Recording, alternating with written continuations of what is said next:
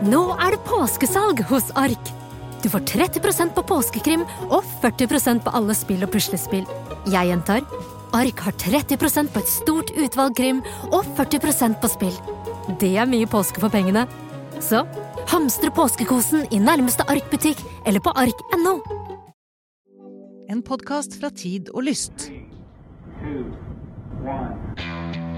When liftoff. One, two, three, four, five, five, four, three, two, one. Enter bed. Okay, we checked all four systems, and there you go on modulation, all four, and keying with a go. Quality base here. The Eagle has landed. Velkommen til en ny episode av din favorittpodkast om alt som rører seg i verdensrommet. Og i denne episoden så skal det virkelig røre seg. For det du straks kommer til å høre, er opptaket fra vår livestream på Facebook. eh, Da vi fulgte landingen til Perseverance med den norske Rimfax-georadaren om bord. Gjest i studio er eh, biolog Petter Petter Bøckmann. Du kan også gå på YouTube og se streamingen. Da kan du se fjesene våre og alt det tekniske balleballet som fører til at jeg også lager denne lille introen i eh, etterkant. Do du enjoy, kjære lytter.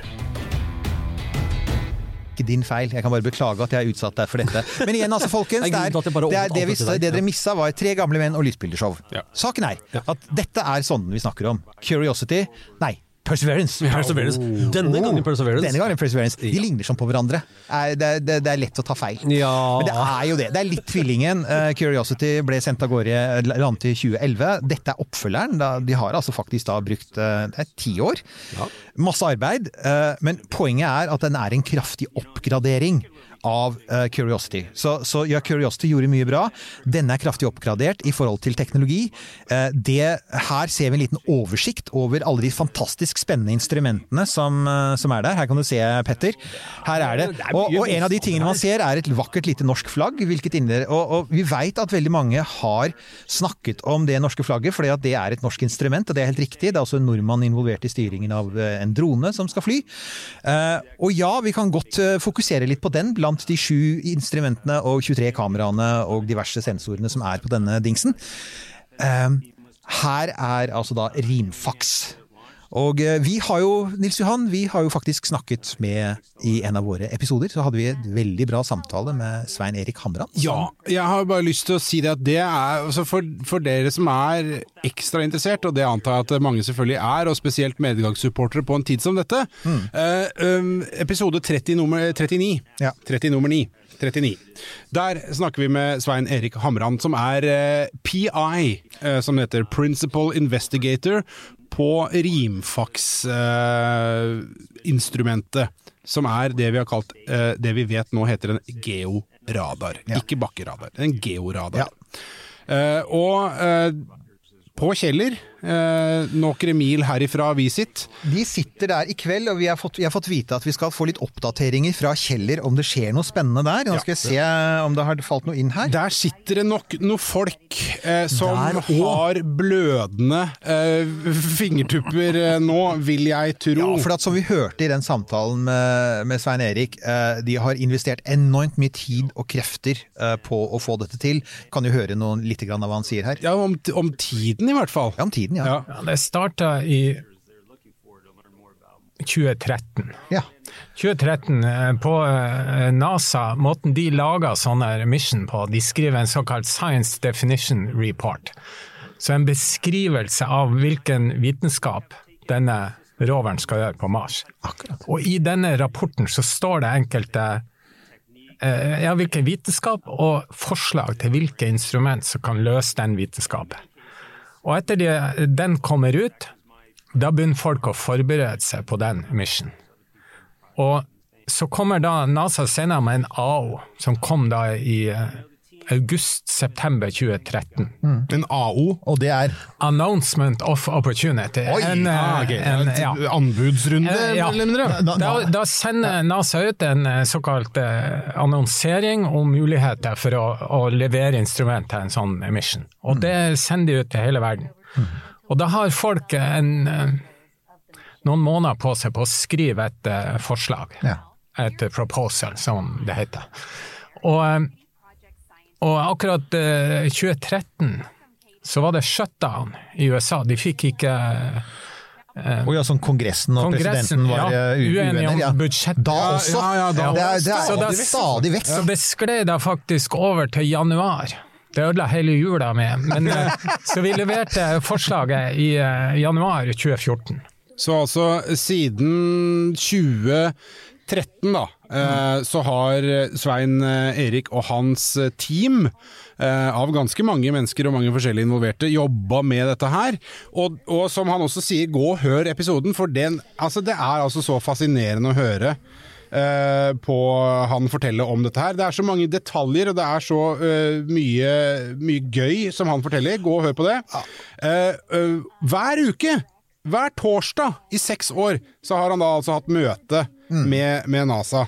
Du skjønner veldig mye bedre hvorfor det koster sju- 2,7 milliarder dollar når du skjønner kravspekkene som NASA stiller. For det, det, er, det er klart det skal fungere under ekstreme forhold, det skal fly gjennom verdensrommet, det skal lande på en fremmed planet og overleve i årevis. Så man skjønner jo at, at alt, blir, alt er håndlaget, alt er laget av spesialmaterialer og under helt ekstreme forhold. Så ja, det var, det var dypt fascinerende. Men det er jo også interessant fra sånt for, altså Det han skal gjøre, altså det georadaren skal gjøre, er at den skal jo se ned i bakken, og der kan den se spennende ting. Der kan det skje spennende ting. Nå endelig skal vi begynne å gjøre noe annet enn å kikke på overflaten. Det er jo det kan vi, vi bytte bilde til studio, sier noen. Det er noen som faktisk har lyst til å se oss. Det er noen som faktisk har lyst til å se oss! Ja. Det kan vi gjøre. Ja! Ja! Yay, der er hey, vi! Ja. altså folkens, se her, jeg mestrer teknologi av og til. Yay! Altså, vi, vi skal jo nå endelig kikke ned i bakken. Altså, til nå, vi har jo hatt Curiosity som har rullet og gått, og, og tatt pene bilder, og sendt Mm. noen slideshow hjem, og tatt en liten prøve og kikket litt på den med en liten eh, Ja, ikke sant. Og, hva er der nede? Mhm. Overflaten på Mars er ser rimelig steril ut. Mm. Vi vet ikke hva som er under. Vi gjør, vi? Er det vann der? Det er jo det alle har spurt seg om. Det er- Finner vi det? Ikke sant. Det er, jo det, det er jo det interessante, særlig med tanke på mulig eksisterende liv. Det er jo, for dette, dette, er jo som, eh, dette er jo noe som eh, vi har snakket om sammen før, og som vi også kommer til å snakke om i en ganske nær framtidig sending, er jo faktisk akkurat dette med vannets enormt viktige rolle for liv. ikke sant? Altså at Du må ha en eller annen form for væske for at Du må ha et medium livet kan være i. et medium. Og det mediet behøver for så vidt ikke å være rent drikkevann. ikke sant? Nei, altså, nei. Det kan jo godt være sånn type uh, saltlake, for eksempel. Ja, det, er, ja. det, det er en ting man Pri- kommer til å se etter. kan det være silan, for den Ja. saks skyld, men, men vann er vel kanskje det mest nærliggende. Vann er det mest nærliggende, og det skal altså faktisk denne georadaren se etter, og det er jo eh, det er utrolig kult. Men så er det jo, igjen, det er flere instrumenter. Eh, Du, har denne, selvfølgelig, denne dronen, som igjen annet har en nordmann eh, i kontrollsetet. Her er en interessant ting, og det er jo noe som vi delvis lærte av Svein Erik Hamran, men som også er blitt bekreftet av de som jobber på JPL, som er kontrollsenteret, det er de som har bygd denne sonden, og de som kontrollerer den. Og det er at dronen og veldig mye av arbeidet med, med Perseverance skal skje på dagtid. Det skal være dag på Mars. Og, da, og, og Mars har en dag som er nesten 24 timer, men bare nesten. Den er 24 timer og 40 minutter. 24 timer og litt. Litt! Hvilket vil si at de er litt sånn i konstant jetlag, for at altså det tidspunktet de kan jobbe på forskyver seg hele tiden. Og, og de jobber i årevis, så det er faktisk ingen Det fins en sånn egen klasse med folk, en egen gruppe med folk i Pasadena i California, hvor, hvor, eh, rett utenfor Los Angeles, hvor JPL ligger, som da lever et ganske sånn sært liv. De lever i marstid. Det Helt kult. Og det finnes folk på Kjeller som gjør det samme. Gjør, de, bor de liksom sånn inne med, med kunstig lys på dagen og, og ikke Altså, lys på hun ja? ene forskeren hun sa at for første gang på mange mange, mange, år, jeg så en pressekonferanse i går, så hadde hun skaffet seg en sånn sleep mask, en sånn sovemaske. For det hadde hadde hun ikke tenkt på at det kunne hun jo bruke til å regulere døgnrytmen sin. Ja. Så hun hadde da tenkt å bruke den til å regulere og, og, å begynne å leve på Mars-tid. Og det som slo meg da, det var jo selvfølgelig Oi, disse folka her er allerede i ferd med å begynne å leve sånn som kolonister på Mars kanskje kan komme til å en dag. Just saying. Nå har ikke jeg nevnt E-ordet, men, men altså Nei, nei, men E-ordet. ja, det, det dukker nok opp på et eller annet tidspunkt. Ja, W-ordet og E-ordet har lett for å dukke opp i vår Ja, Nei, det var ikke noe. Jeg bare jeg, jeg, trodde jeg hørte pizzaen. ja du trodde du hørte pizzaen? Ja, det stemmer. Vi, vi har pizza, og vi har, eh, vi har eh, lettøl. Men her, dette instrumentet her, altså vi er veldig opptatt av i Norge av, av de nordmennene som er involvert. Men sant å si, det er mye annen awesome vitenskap her. Og Moxie er kjempekul. Det er altså en liten boks som sitter inne i Perseverance, som skal ta Mars' atmosfære, som er karbondioksid, karbondioksid via en kjemisk, elektrokjemisk prosess skal den konverteres til CO, karbonmonoksid. og Eller- O, ja. eller O2, oksygen, og så skal de beholde oksygenet. De skal altså prøve å produsere oksygen på Mars, og det har selvfølgelig bare én hensikt, og det er å produsere oksygen for eventuell menneskelig ferd i fremtiden. Og da er E-ordet viktig igjen, for dette Ja. er jo det er de som, det er jo SpaceX og Elon Musk og sånn, de jobber jo med De er veldig opptatt av å bygge raketter, men de har jo ennå ikke kommet i gang med noen gode løsninger for hvordan du skal lage brennstoff, oksygen, alt du trenger av lokale ressurser. Moxie er helt avgjørende for at dette altså, så, derfor, så derfor er det veldig mange som følger veldig spent med på det, selv om det er litt sånn kjedelig, da. Det er litt usexy. Ja, det er sånn der zoom, zoom, zoom. Nemlig. Ja, ja. Det, det, det er liksom, det sitter der inne liksom en sånn sentrifuge, eller sånn som en vaskemaskin hos naboen, så sitter den inni magen på den og durer, og, og pumper ut, så lager den noen hundre gram oksygen. Sånn, «Ui, oksygen! Men får den til det? Og, og det er jo Da, da funker det jo. Ja. Da er det mulig. Det er Eller sagt på en annen måte, får den det ikke til, da er det ikke mulig. Da må vi finne på noe nytt. Nemlig. Det var egentlig innovasjonsteori. Dere lærer så mye i kveld. Ja. Også, og, men det som er fint med det, det er sånn der Ja ja, vi prøvde. Det kosta bare 27 milliarder kroner. The det American- funka ikke. We Ja, think that shit. Ja, men hvis du tenker på hva The American Taxpayer ellers er med på å betale på, så tenker jeg at dette er innmari gode penger. Ja, jeg vil også si det er brukbar Så investering. det er en brukbar investering. Men altså, eh, så, så Moxie er kul. eh, Og så har vi jo da denne biten her, dette lille røret her, som er et av disse sample-rørene som Altså igjen, i motsetning til Curiosity, uh, Perseverance skal kjøre rundt på Mars i flere år, og underveis skal den ta prøver fra forskjellige deler av Som den kom forbi, forskjellige områder. Så den skal ta prøver litt fra sletta, litt på klippene, steiner, grus. Lovende steder, ikke sant? Der hvor det, ja. Og så skal den ta med seg uh, proppe igjen røret, ta det med seg videre, og så skal den fylle nye rør. Ja, Nei, det var bare det at det der, der er jo så episk fascinerende. det Det er er det. Ja. For her kommer greia, folkens. Dette er altså faktisk Og så skal den etter to år så skal den finne en litt sånn åpen plass. Og så skal den dumpe alle disse rørene på bakken. Og så skal det komme et freaking romskip fra jorda. Og nå skal dere få se oss igjen, for det er så kult! Det er det som heter sample return, altså å hente prøvene tilbake. Endelig skal vi få en prøve med hjem. Og hvorfor må vi ha prøvene med tilbake til jorda? Det kan du. For det vi gjerne vil se etter er er det liv, eller har det vært liv på Mars? Og det vil vi se i stein, men vi trenger et elektronmikroskop. For eksempel. Ja, Og, og det, de veier gjerne et par tonn. Det, Ja. du bare hiver ikke sånt over til Mars. og Ikke sant. Nei, du må ha med dette hjem. Du må kikke på det. Du må ha folk som kan ordne og styre og snu og vende og ikke bare sånn i, i, i, Fjernstyr med 11 minutter lag? Du får ikke sett noe på den måten der. Hashtag meme, altså hvis dere har lyst til sånn, sånn Petters robotdans her. Vi Men legger ja. ut en egen video av det på Instagram senere. Ja, ja, det er altså jeg bare just saying. Dette er ute nå. det er sånn TikTok-materiale. som Ja, Dette er. TikTok-materiale. Sånn, sånn uh, biologen danser. Hva sa han her? Men ja, eh, nei, ikke sant, så det er akkurat det. Og, og, og det det de faktisk planlegger er å bygge et eget laboratorium, og det er selvfølgelig fordi at det skal være biologisafe. Fordi at du er ikke 100 sik- sikker på at ikke det er noe rart som følger med tilbake fra Mars, og så vil du heller ikke ha noen Vi har alle sett filmene, har vi ikke? Vi har sett filmene. Det begynner ofte som en sånn svart gugge. Sånn, Ja, ja, som, som sånn- kryper over. Og, så, Eh, og så ønsker vi selvfølgelig heller ikke å Ja, det er pizzaen som kanskje ikke, ikke. Jeg Det er lytter- veldig sein pizzalevering. Det er, ja. sånn er det. Det er, det er spennende ting som foregår om dagen. Ja, Vet du hva, jeg tipper at eh, alle sitter nå og ser på Perseverance og bestiller pizza. Det er derfor dette er så sein levering. Det, er- det, det er min teori. Vi velger å se det sånn. Uh, I'm willing to die on that hill. Så ja, uh, helt klart. Det er utrolig spennende. Og Sample Return er prosjektert til 2026 eller 2028, for man kan bare fly til Mars hvert annet år. Eh, og hvis det er da Og her er jo greia, da, for å komme tilbake til den igjen. Du har en egen rover, det er den der eh, saken nederst, som skal kjøre fra landeren, som er den som er saken øverst, og plukke opp rørene, legger i en egen container om bord i den landeren som står der. Så et, og et lite rør som kan kaplopp. ja, kaplopp, kaplopp. Så skal de skru på et biologisikkert lokk. Så skal den landeren skytes opp i bane rundt Mars, der den skal møte et annet romskip som så skal starte opp og fly tilbake til jorda og være tilbake i 2031, og det er bare Jeg liker de som kommer på disse planene, at sånn gjør vi det. Ja. Og så er det sånn Ja, sånn gjør vi det. Figure it out. Ja. Eh, Sier de videre til det må, vanlige folk. det, det må jo det må sies at hadde, hadde salige Werner eh, designet dette, så hadde det kanskje vært eh, færre, men litt større ledd. Er det noen spesiell Werner du tenker på der? Eh, gamle von Braun. Ja. Han må, for, for eventuelle nye lyttere, han, eh, den tyske rakettforskeren som nesten alltid nevnes i våre sendinger, fordi han har en finger med i alt, inklusive, inklusive det kongolesiske romprogrammet, som vi etter utfordring fra Konspirasjonspodden kommer til å måtte lage en sending om på et eller annet tidspunkt. Vi kan jo ikke la det stå. Folk kan ikke bare komme og si til oss at vi syns at dere skal lage en eh, kongolesisk uh, er romfartpod, og så gjør vi ikke det. ja. Nei, Jeg synes det er, det er det verdt å bruke tid på. For øvrig, de hadde et romprogram. jeg vil høre den sendinga. Ja, ikke sant? Det, det, det vil sikkert ja, alle dere der det er ute også. Ja. Jeg må bare si to ting. Det, det, eh, det, vi har på trappene, det kommer snart, en, en ny eh, romkapsel-T-skjorte. Ja. Eh, Werner von Braun edition.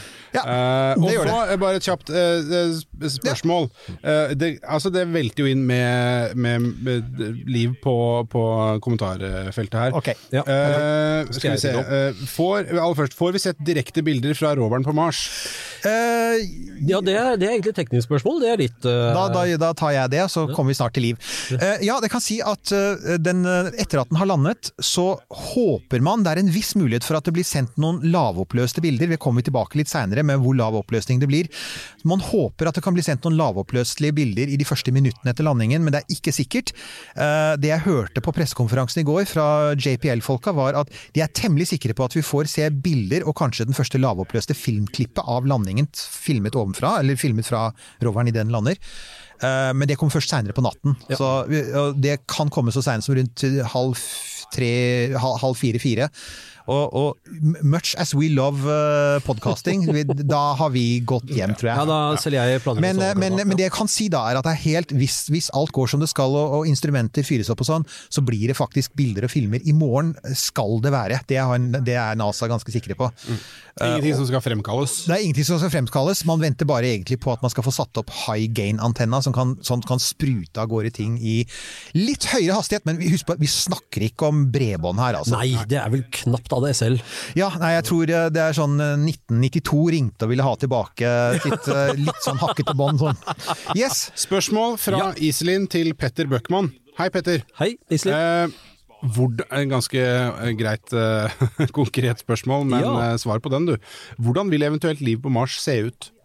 Eh, Det er jo ikke noe svært på Mars. Eh, Man trodde i riktig gamle dager at eh, det var vegetasjonen som blomstrer fram og tilbake over planeten, og det viser seg å være større støvstormer og mye rart.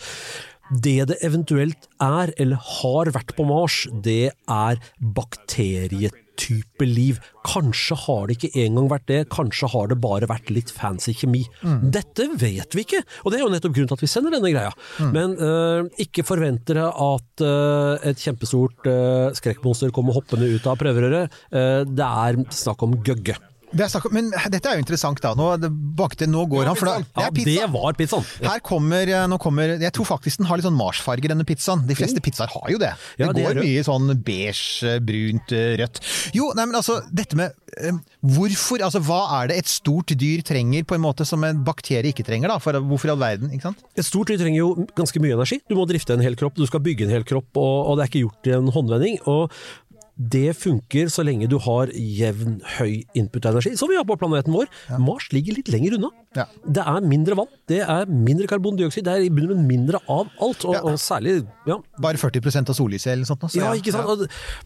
Da blir det ikke så mye, da. Eh, Jo mer komplekst liv du skal ha, jo mer input må du ha i bånn av økosystemet ditt.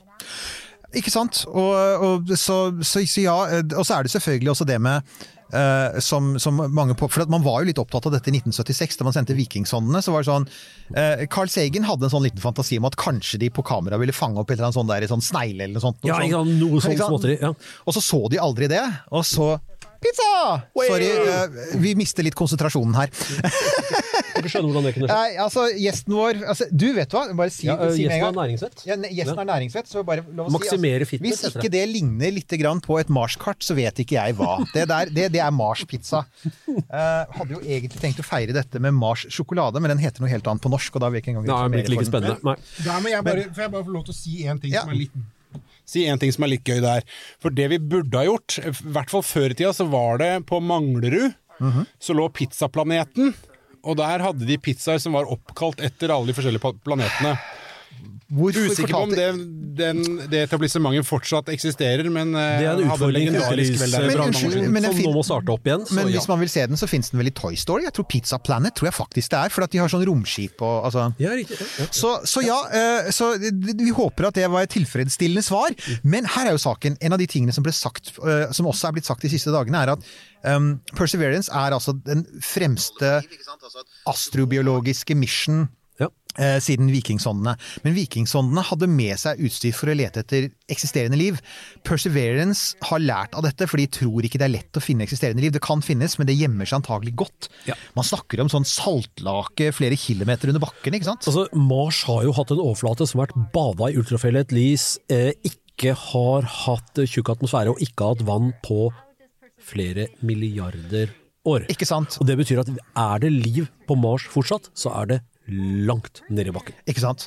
Og øh, så Man snakker for eksempel om mange hundre meter eller flere kilometer. så er det klart Vi, er, altså, vi, vi prøver å bore ned i bakken på Mars nå, og vi klarer jo ikke å komme mer enn noen, altså, i høyden noen meter ned. Ja, Så- Centimeter er liksom der vi har vært så langt. Ja. Så det er enkelt, men så, så, så leste jeg en artikkel i går av en, en, en uh, amerikansk forsker, og hun skriver at det er på en måte så er det det, det at livet på Mars eh, at det er 3,5 milliarder år siden, og at vi skal til et veldig gammelt sted. altså Det Jezero-krateret som vi skal til, er et veldig gammelt sted. Men sier at på sett og vis så er ikke dette en, let, en, en, en leting etter livferd, det er en paleontologisk ferd, sier hun. Ja, ikke sant. Og det er jo det er sånn, Jeg har alltid prøvd å si det, at det første mission, bemannede tur til Mars som skal se etter liv, det er paleontologi. Der er det å rusle ut med hakka og hakkestein, sånn som paleontologer gjør på jorda. Og det er jo litt i overført betydning det Perseverance skal gjøre. Det skal jo bokstavelig talt gjøre det, ja. Nei, jeg bare tenkte, for at uh, Hvis vi skal rekke Ja. nå Ja.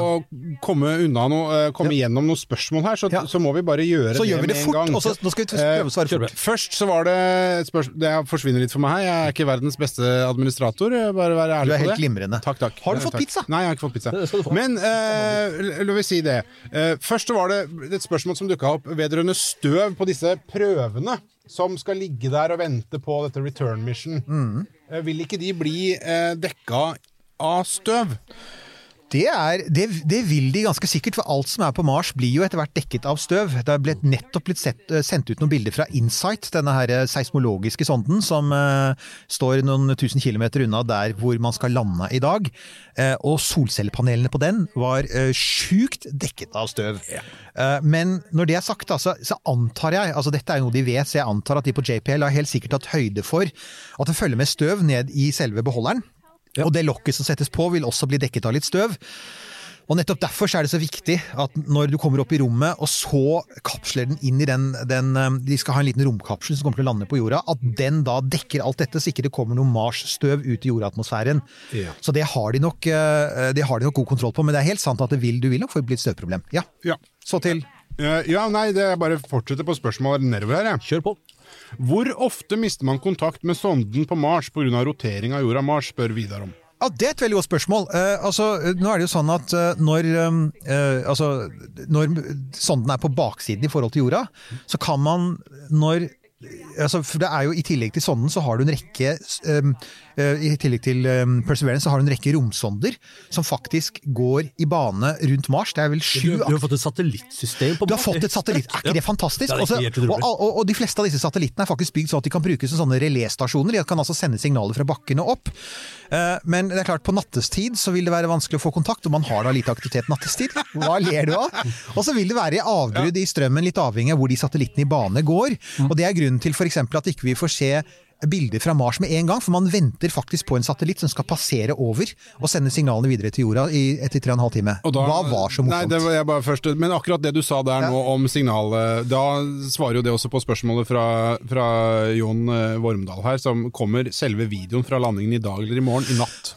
Ja, nei, altså det kommer en, Kanskje. Visstnok det- visstnok skal det komme en lavoppløselig video i, i natt, og så vil, det, så vil høyoppløselige data komme til hvert, rett og slett. Ja. Ja, det blir sikkert ikke så fint. at Det er sånn Nei, altså, en, også en annen ja. ting er at altså, De er veldig opptatt av å få disse videoene tilbake til jorda, men husk på at disse videoene tas pga. navigasjon.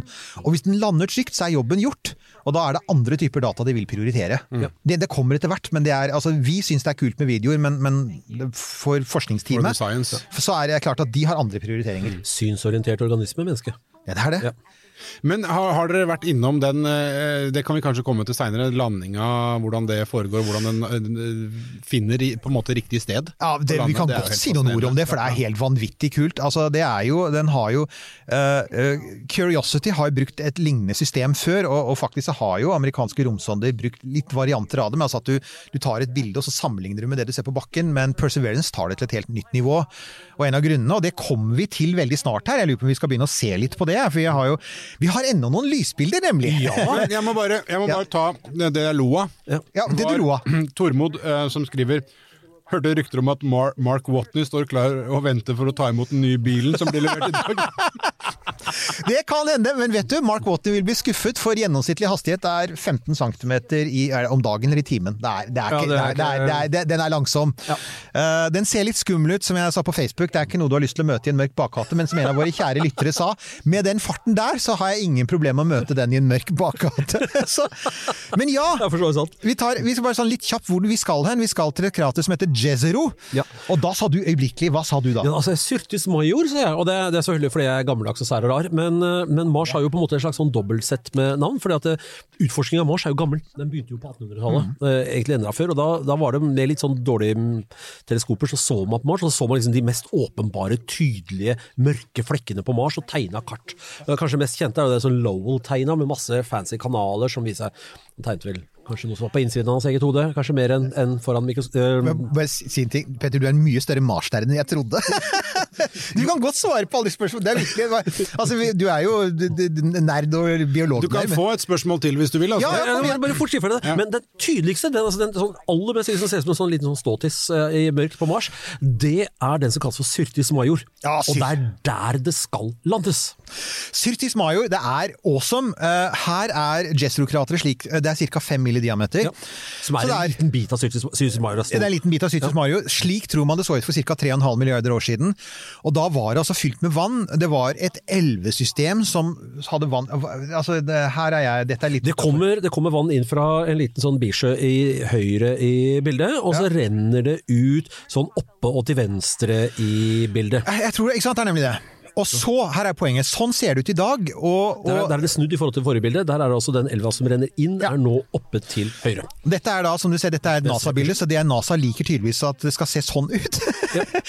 og det vi ser her er det som heter landingsellipsen. Saken er at de har jo sendt et romskip hele veien fra Mars, og det er imponerende at de i det hele tatt treffer planeten, tenker man. Eh, så normalt så vil du da si at innenfor en, en, en ellipse, eh, en oval på 7,7 ganger 6,6 km, er det, det er der man regner med at den lander.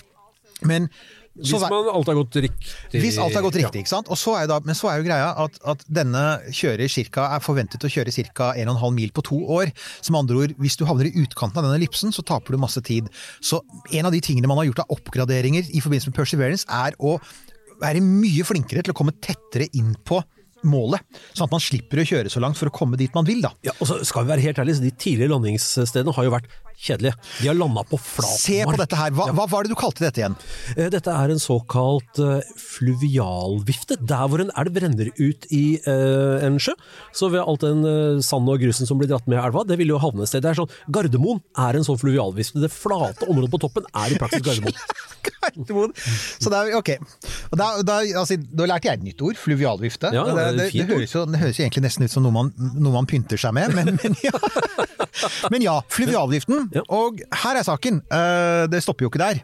Eh, her er altså eh, Dette er Den grønne streken her er en tenkt rute som eh, Perseverance kan kjøre. De har faktisk mange mulige, og de kommer til å tilpasse det etter hva de finner. Ja, for det, her er det kan være bakker opp og ned. Og ikke sant. Og, ja, ja. og, og de skal, men som dere ser, det er et røft landskap. og eh, altså Den starter der du skal lande, og det er nederst i bildet. Og Dere ser at den grønne streken starter rett ved en klippekant, og det er seriøst. De skal lande rett ved en 100 meter høy klippe. Så det er jo, dette er den utvilsomt dristigste, tøffeste, kuleste landingen de har gjort. Dette får de ikke styrt fra jorda med 11 minutters forsinkelser. Nei, nei, dette er autopilot, altså. Dette her er altså Nå får vi igjen for at Elon Musk har gitt oss biler som kan parkere seg selv. Ikke sant? Ja. Det er, tenker, ja. Ja, jeg har eh, altså, riktignok ikke en Elon Musk-bil, men en sånn bil som etter sigende skal kunne parkere av seg sjøl. Aldri turt å prøve det. Nei, jeg- Vi har hatt en sånn som heller ikke var en Elon Musk-bil, som parkerte seg selv. Um, Det Elon Musk-bilen kan gjøre, at du kan si sånn Og så kommer den kjørende. Det er vakkert. Ja. skal, vi er, vi, er, vi er der i kompleksitet på denne landingen. Vi er altså. det. det. Det rekkes en arm i Ja, her. eh, spørsmål eh, til Petter, eh, vil jeg da anta. Um, Alexander spør Hva vet vi om kjemien på Mars? Er det funnet spor av f.eks. aminosyrer? Og hvordan kan et eventuelt arvemateriale se ut? Det som er litt morsomt med arvemateriale, det er at hvis du rører sammen de stoffene du finner i en primitiv atmosfære, sånn som du finner på, på Jupiter og, og sånne steder, altså metan og ammoniakk og, og karbondioksid og litt nitrogen og sånn, uh, utsetter for litt ultrafiolett stråling, litt lyn og litt sånn småtteri, så lager aminosyrer seg selv. Du kan altså riste sammen nok stoffer, sørge for en jevn energiflyt, og så får du DNA. Så sannsynligvis snakker vi om DNA, kanskje RNA, men mest sannsynlig DNA. Det er altså et stoff som danner seg selv, gitt tilgjengelige stoffer. Og vi ser på sånn derre ja, men det er jo bare på jorda, det er her sånn. Nei, dette er de vanligste grunnstoffene i universet vi snakker om. Dette er det det mest sannsynlig vil være livet av. Ikke sant. Og dette er jo også grunnen til Altså En av grunnene til at Jessro blir så interessant, da, sånn paleontologisk sett, er for at mange av instrumentene, det er noen av instrumentene vi ikke har nevnt, blant annet et som heter Mastcam, og, så er det, og det er to-tre andre instrumenter som, som rett og slett skal analysere kjemien på Mars, bl.a. ved hjelp av noe som heter en Raman-laser, og ved hjelp av spektralmåling. man, man kjører på med laser og Kjører på med laser, og, og, og for å analysere kjemien. Og det er nettopp for å finne disse stoffene. Og det er jo for å igjen få bekreftet akkurat denne teorien om at ja, men vent litt, dette fins overalt. Ja. Det er liksom, Byggeklossene er overalt, og så er spørsmålet hvor ofte samler de byggeklossene seg til noe større og mer interessant. Litt oppstår liv. Hvor lett oppstår liv, og så har du selvfølgelig alltid i bakhodet den litt fascinerende tanken som er der ute, og som Og det er jo ikke tull heller, da. Altså, øh, det er en teori som sier at livet kan ha oppstått først på Mars, fordi at en kort periode i starten av solsystemets historie så var kanskje Mars et gunstigere sted Ja.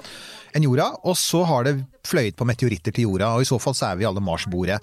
Eh, Det er også en sånn ting som vi, hvis vi finner organismer på Mars i dag, da, så ville det vel kanskje være mulig hvis de da Skal gi dem til i morgen. Vi spiser inn i dag. Ok, i morgen. Eh, Hvorfor drikker vi ikke Først- marsvin? Nei, men først Har vi fått eh, kommentar herfra? Drikker ikke marsvin? Marsvin? Hvorfor ikke vi drikker marsvin? Marsvin, ja. Åh. Det finnes jo steder hvor man spiser det, men det er Ja, nemlig. Men men, får jeg bare si en ting? Det finnes en i i Georgia, og jeg tror det er landet Georgia, og ikke delstaten, så finnes det en, en fyr som dyrker vin. Georgisk vin er visst en greie. Ja, men jeg har smakt det en gang. Det er godt. Uh, nå fikk vi plutselig sånn 18-årsmarkering her. Men uansett. ikke, sjekk, ikke, ikke sjekk kaffen til Petter, sier jeg bare. Men Men Georgi han, han, driver og, han driver og prøver å utvikle vinranker som skal fungere på Mars. Så kom ikke her med vitsene dine, vi kan svare på alt. Hvis, hvis, altså, Det kan kanskje virke som et litt sånn eh, banalt uh, spørsmål. Det er et spørsmål jeg kunne stilt. Uh, Gunnar, uh, ingen forkleinelse til deg, Gunnar. Eh, hvis det er så kaldt på Mars helt ned til minus 100, 130, hvorfor er det ikke frost pga. snø osv.? Det er frost og snø. Ja, men det er så sabla lite vann der. Ja. Jorda, altså, altså Vi ser jo hva som skjer det øyeblikket tempen kryper ned under null på vår planet, så deiser jo ting ned fra himmelen. Det er under forutsetning at vi har en blaut atmosfære. Og der, der har vi nok et eksempel på at han er en større Mars-nerd enn meg. For at det Petter egentlig påpeker, er at den frosten du ser på Mars, er karbondioksid. Det er helt riktig. Mars har en knusktørr atmosfære, så, eh, så det, du ser ikke frost. Det du vil finne er det er mye vann på Mars. Det er nok vann på Mars til å dekke hele planeten i 30 meters dyp, eller å fylle den nordlige halvkulen, der det pleide å være et hav dobbelt så mye, altså 60 meter. Så det er som et grunt hav. Er, å si. det er Ja, sånn ja. Kaspiske hav eller sånt. Det er et Det er ikke skrekkelig mye vann i forhold til jorda. Nei, nei, nei, men det er allikevel mer enn nok til å danne men, men det er klart, nå er det altfor kaldt, så hvor er dette vannet? Noe er i polkalottene, eller polkalottene som jeg liker å kalle det. Noe er Gammel vits, hallo. Dad joke time. Men altså, han, han med marsvin åpnet den døra, tenker Ja, jeg jeg. Så er det beklager. liksom sånn, vi får, vi får ikke stengt Pandoras eske. Fra nå av går det bare én vei. Ja. Uh, mye er i isbreer, og mange av disse isbreene som er under bakken, dekket av jord, uh, og mange av dem har man funnet helt ned til 45 grader nord, så det er ikke bare under Nordpolen. Mesteparten av vannet er rett og slett i marssteinen, i det som heter regolitten. Eh, Ja. Mars, en typisk marssand har 3% vann eller sånt. nå. Ja, men det, Sånn er det jo på jorda også. Altså, hvis, du tar en, hvis du går og hakker løs en stein fra, fra bakken, så er den fuktig. Ja. Så, så, så Derfor så er den første planen for å finne vann på Mars, hvis man sender mennesker dit, er rett og slett å varme opp stein. Så, og da, altså varme opp stein til 300 grader, og da kommer faktisk mye av vannet ut, og så, så kondenserer man det, og så har man Kanskje ikke drikkbart vann, men uh, man kan rense det. Det er jo den andre tingen med Mars, det som The Martian hopper litt sånn glatt over, og det er jo at det er jo en del stoffer på overflaten til Mars. Perklorater! som- Perklorater! det, er, det er helt riktig. Han, han, han ville hatt det mer ubehagelig, men vi, vi, vi elsker den filmen. Vi tilgir deg alt, Ja. vi gjør det. Så. uh, jo, så uh, har du, er det flere ting folk lurer på? Ja, det, det er det helt sikkert, men uh, det er Ja, det var noen som lurte på om vi spilte inn som podkast. Det gjør vi. Det Den kommer som ja, podcast. Det kommer som podkast siden, siden Uh, bla, bla, bla. Ja, noen lurer på hva RNA er for noe? Jo, eh, i våre så har vi DNA som er oppskriften. Bygge, bygge kokeboka. To make eh, someone. Eh, men eh, dette må jo gå som beskjed ut til cellene, som faktisk skal omsette dette her til å lage proteiner og ting og tang. Og for å unngå å ha løse DNA-biter som kan replisere seg selv flyende rundt i cellen, som fort kan komme til å bli et sånn hjemmelaga virus, så har du RNA, som er et annet system. Makende molekyler du kan omsette fra den ene til den andre, men RNA klarer ikke å replikere seg selv på samme måten. Eh, Ole Christian Øy! Hva slags teknologi blir brukt for å kunne opprettholde kommunikasjonen med Perseverance? Vi snakker jo veldig lang rekkevidde.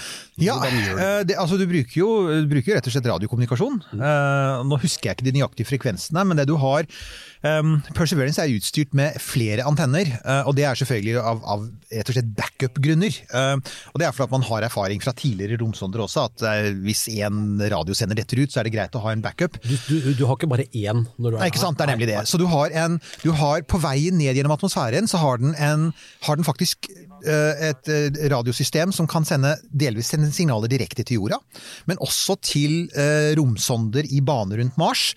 Og det gir deg en datastrøm på noe sånt som 8 kilobit. eh, som er, hvis de av dere som er på vår alder vet at det var en gang en våt drøm å ha 8 kilobit. Da, så det var sånn boing, boing, boing. Det var de dagene. Det var sånn 1989 ringte og ville ha nettverket sitt tilbake. men, sin, men, men etter landing, eh, så når, når hvis Ikke hvis, når alt går bra. Vi satser på det. Vi, Vi satser det. alle fingre og tær og armer. Vi, vi gjør det, vi Ja. gjør det, ikke sant? For det, altså nå, det begynner jo å nærme seg. Ja. Det begynner å nærme Eh, seg. det Ja, det, det gjør det. altså Det punktet Det får jeg si, altså eh, Nå er vi på Ja, vi, om, om ti minutter om ti minutter så begynner faktisk sonden på ferden ned gjennom atmosfæren i Mars-tid. ja. uh, og det er da vi også skal begynne på vår lille sånn uh, ned til Mars-ting.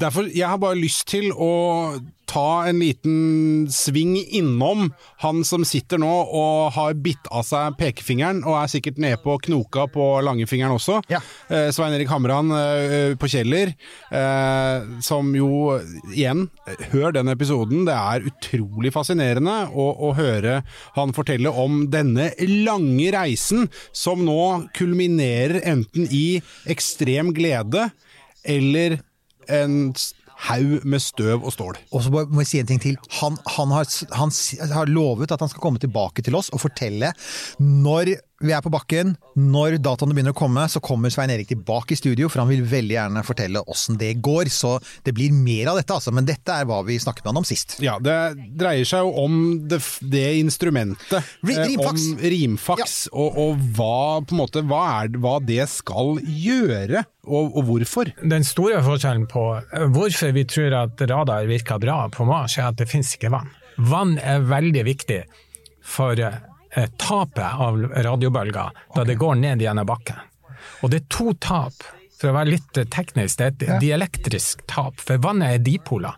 Så de snur seg opp og ned i, i henhold til feltet. Og dermed så, så lager det en forskyvningsstrøm. Og hvis du da ikke greier å snu helt rundt, så får du en faseforskyvning mellom eh, feltet og strømmen i media, og da får du et tap. Og det andre er at, at eh, vannet er dipoler, så det løser opp salter i bakken. Det er masse salter på Mars, men er de er, de er i krystallstruktur. Ikke sant? Men hvis du har vann, så løses de opp, og så får du ledningshende, konduktivitet.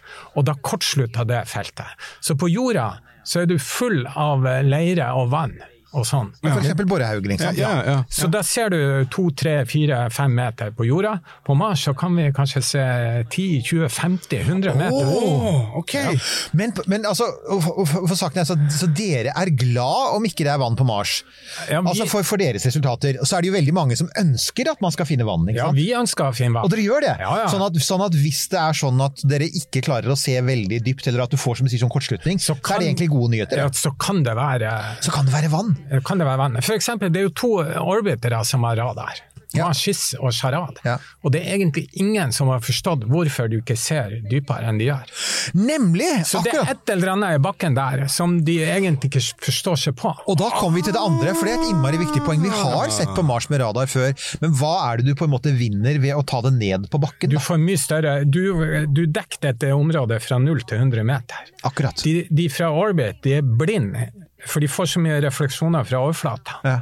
Mens vi fjerner overflata, og så ser vi fra null og nedover. Akkurat. Så, eh, så det er vel hovedårsaken. De her, fra arbeid så ser de jo eh, kilometer ned i, i polisen. På Nord- og Sørpolen på Mars. Ja, og mens dere har hørt på, på Svein Erik Hamran Nice try, blir det kommentert her. Erik. Eh, Bra jobba. Ja, men vet du hva vi skal ha? Dette får dere ikke se på NASA sin stream! Nei, nei, ikke. Så det er eh, p- p- pizza og lettøl. Det er Ja, lettøl. Ja. mm, ja. Nei, men det er fint. det. Det ble ikke kommentert i det hele tatt. Ingen la merke til det. Så det går bra. Nei da, vi så ingenting. Nei, fint det. Uh, skal vi se. Det er liksom, løsrevet så er uh, kommentaren 'Vi ser den, Eirik'. Litt sånn uh, rar. Ja, altså, unnskyld meg, men det, det, er, det er bare en kaffekopp med skum på toppen. Vær så snill, da. Øyvind spør Ja. får vi en 1202-alarm under nedstigningen. Tror dere det? Blir det noe 1202? Jeg tror ikke det. Men skal vi, ta, skal vi forklare hva en 1202-alarm er? Gjør det. Ja. Jeg er, jeg er ikke datamann. Eh, nei, vet du hva? Oh, ok, det er for alle oss Apollo-nerder. Det er altså faktisk det de fikk under landingen på månen. 1202-alarmen fikk de delvis fordi at det veldig begrensede datasystemet ble overbelastet. Det er en av de tingene som Igjen, uh, JPL har kjørt og prøvekjørt og testa og krasjtesta dataprogrammene så hardt. Jeg er helt sikker på at de har rikelig med kapasitet til å håndtere datastrømmen. Når det er sagt, og det er viktig å huske på, de sender ikke superdatamaskiner til Mars. Det, er, det de gjerne går for når de sender datamaskiner ut i verdensrommet, er tested technology. Eh, For eksempel den lille dronen, den bruker en um, uh, Snapdragon som sitter i mobiltelefoner. Og jeg tror den bruker en ganske gammel Snapdragon-modell. Ja, som de har prosessor. sjekka og sjekka og Ja, nemlig. Den har vært kjørt, og så er de herdet mot stråling, selvfølgelig, sånn at, for at det er stråling i rommet. Eh, Så jeg tror ikke det blir noen 1202-greie. Jeg tror hovedutfordringen rett og slett er eh, å få den derre eh, Altså finne riktig sted å lande. At den derre autopiloten faktisk finner riktig sted. Ja. Ja. Og det som dere snakker om, altså med teknologi, eh, det snakka jo Hamran om også i episoden mm. hvor vi tar for oss i detalj hele prosessen med å bygge Rimfax, opp til det punktet at den var på vei til eh, der den nå snart skal lande. Eh, Og det, de, og det ser man jo også i andre dokumentarer om, om ting som skal ut i verdensrommet bygges, så har de jo en technology lock Ja. Et tidspunkt ja. sier at fra nå av, eh, alt som skal inn i denne, dette, denne farkosten, skal være teknologi som virker og er testa Ja. eh, i dag, denne datoen. Og hvis det kommer noe nytt, nei, det skal vi ikke ha med. For det er ikke sikkert det funker. Nemlig. Og bare en sånn liten Vi har jo sagt mange ganger i eh, denne podkasten at space is hard, Mm. og det er en grunn til at eh, alt tar fryktelig lang tid og er fryktelig dyrt. Eh, så jeg skal bare eh, glede, eventuelt kjede folk med en liten snippet til fra eh, Ja, ja. Svein Erik, eh, som, som jeg syns er litt sånn eh, betegnende for prosessen her, og grunnen til at det tar liksom ti år ish å, å lage noe som skal ut i verdensrommet. Eh, hør her. Bygde også ei antenne. Den ble lagd på FFI, Ja. hele antenna. Og så hadde vi ei lodding. Det kom en sånn kabel som skulle loddes på et kort. Og den loddinga måtte vi kvalifisere. Det kjører vi såkalt NASA kalles PQV, Package Qualification and Verification. Og den eh, brukte vi seks måneder på. Mm. Ja, ikke sant? Så der har du det. Seks måneder på å få godkjent én lodding. Ja. Så da skjønner du hvorfor det tar tid. Ja, men den må jo holde. Så er det jo en annen ting òg, da. Ja. Selvfølgelig. Altså, dette er jo ikke en datamaskiner som du driver og surfer på nettet med når du ikke programmerer på dem. ikke sant? Altså, dette her, alt er igjen veldig, veldig låst ned. Eh, faktisk så er historien om softwares betydning for hva vi har gjort i, i verdensrommet For eksempel så jeg nettopp det fins en, eh, en eh, YouTube-kanal som heter Homemade Documentaries. og Det er en fyr som rett og slett tar offentlig, offentlig tilgjengelig NASA-materiale og lager de mest fantastiske filmer om amerika det amerikanske romprogrammet. Det er sånn to timer lange programmer om hver Apollo-ferd, f.eks. Og Apollo 15 brukte et farge- et fa- farge-TV-kamera som brukte eh, bildekompresjon for første gang. Brukte NASA bildekompresjon. Så for første gang fikk du høyoppløselig farge-TV fra månen, og det var et kjempesprang. Og dette er altså 1971. Jeg husker er, de første bildene. ikke sant? Hvor han flimrete Ja, ja, ja. ja? Og det, det, skjer en, det skjer et enormt hopp fra Apollo 11 til Apollo 15 i, i kapasitet. Og det interessante er at det er software. Så jeg har egentlig litt lyst til å lage en sending om det en gang, rett og slett. Men, men da må vi finne riktig gjest, da. Det kan jo hende at det er noen der ute som vet det. Og det er selvfølgelig også mulig at da, da skrur halvparten av dere av. Men altså, software i rommet, det er kult, altså. Det blir akkurat ekstra geeky her. Ja, ja, men eh, det er sånn. Jo, jo, men jo, sånn men se er. her, her. Espen spør. Hva slags sensor-detektorsystem er det som eventuelt skal konkludere om de har funnet liv eller rester av liv på Mars? Det er jo flere ting. For det, det er jo, eh, Liv eh, gir seg mange utslag. eh, og nå er det, jeg må trekke fram en gammel klassiker. Eh, for eh, det var på 70-tallet, tror jeg, så fant de en stein på Sydpolen som hadde ramlet ned fra oven. Det er sånn at når du finner en stein, så kommer den alltid fra. Enten så kommer den eh, fra høyre eller venstre, eller whatever, eller så kommer den nedenfra. Eller så kommer den ovenfra. Og hvis du kan utelukke alle de andre kandidatene, ja, så må den ha ramla ovenfra. Denne steinen fant man ut da man hadde sendt noen sonder til Mars og analysert litt kom fra Mars. Det var en Mars-stein. Landa meteoritt på Mars, sparka løs nok grus og stein til at noe av det har funnet veien til jorda. I denne lille meteoritten fant man en bit av noe som så ut som en ja, sånn som bakteriefossiler ser ut hvis du spoler altså, Ta et sånn sinnssykt elektronmikroskop, forstørret et bilde av la oss si en dinosaurknokkel eller noe sånt som har ligget og råtna. Noe sånt så det ut. Hva det er, vet vi ikke, for det var forsteina. Det var ingenting. Men det er en viss mulighet for at vi kommer til å kunne se det hvis vi får prøver tilbake. Fram til da så er vi nødt til å sjekke spektrometeret. Vi- Altså vi må bruke denne laserstrålen, steke litt stein. Det vi må bruke andre diverse typer måleinstrumenter for å prøve å eske ut er det noen rester her? Er det noe som ligger igjen? Hva som helst? Er det, er det et stoff? Er det en struktur? Et eller annet. Så ja, det er mange sensorer som skal i verk her. Nå skal vi bare gjøre ting her. Nå skal vi bare legge inn uh, Men kan, kan vi bare si det sånn for de som uh, håper da på at uh, om tre dager så får vi sånn Oi, jøss, eh, nå der! Der fant vi det. Uh, nå har vi uh, spor etter. Men Da har vi tatt helt feil. Hvis det skjer, så har vi tatt helt feil. Ja. Ja. Jo, men det skjer jo selvfølgelig. Sannsynligheten er forsvinnende liten, men det skjer jo. lyd forsvant. Uh, Den skal være tilbake nå. Ja, den skal være Ja. Da håper jeg Det er Eiriks uh, teknologikompetanse her. Jeg kan bare, det jeg kan si, da, er at den lyden kommer tilbake inn i podkasten, for vi kjører et separat opptak av den. Ja, ja. Så, så det, det, det uh, My bad. Uh, det er Ja. Ikke rør den Nå skal jeg ikke røre da- noe mer. Nå skal jeg, nå, nå skal jeg, ikke, jeg skal ikke røre noe mer. 1202, det flasher 1202 og Ja, nå, er- altså, det er unnskyld, ikke, det er et veldig godt poeng. Jeg er jo denne sendingens 1202. Jeg, dette er mitt nye kallenavn. Det er 1202 Youth. Men bare så det er sagt, vi er nå på vei altså Perseverance er nå på vei ned. Nå er Det som nettopp har skjedd, er at det såkalte cruise stage, som altså er den biten av romskipet som har tatt vare på Perseverance på veien fra jorda til Mars, har nå dratt sin kos. Den har sluppet løs Perseverance, og, og cruise stage bare flyr videre. Den, annet eh, den kommer til å kose seg, og, så, eh, og, og dette her er omtrent synkront med det som skjer på Mars akkurat nå. For så er det 11 minutter seinere får vi signalet. Og det sa du til meg i stad, før sending, at eh, normalt burde den kanskje blitt en sånn reléstasjon, men det er nok. Det er nok satellitter rundt Mars allerede. Det er det! Og det som jo er uh, ekstra interessant her, nå skal vi se om NASA har Nei, ja Spørsmål. Kan jeg uh, Ja, komme med et spørsmål? Uh, Jan Robert Johansen spør. Hvordan vet man hvor små meteoritter man finner på jorda kommer fra? Da Jon Larsen, Ja. eh, vår mikrometeorittvenn, eh, musiker og nå i all hovedsak mikrometeorittdetektor. Fantastisk fyr. Eh, vi har en episode om, eh, om det, eh, ligger i arkivet. Gå og hør der, får du ettertrykkelig forklart alt med mikrometeoritter. Og det er, det er et spørsmål om eh, geologi. Altså, du kan, eh, men det er ikke bare det. For at en av de tingene som altså, For å vite at altså, noe er fra et annet sted, så, så det beste man kan ha, det er selvfølgelig å ha steinprøver derfra. Naturligvis. Uh, og vi har steinprøver fra månen, så vi er helt sikre på at ting er fra månen. For vi har reist til månen og henta det tilbake. Og hvis dere er, uh, hvis dere er sånn Apollo-fornektere, så har dere ingenting på denne sendingen å gjøre. Men altså, vi har steinprøver, så vi kan sammenligne med meteoritter som også har falt ned fra månen. Så månemeteoritter, de kjenner vi godt til. Mars-meteoritter kjenner man igjen eh, indirekte ved at man jo har gjort masse målinger på Mars, og det ser ut til å stemme.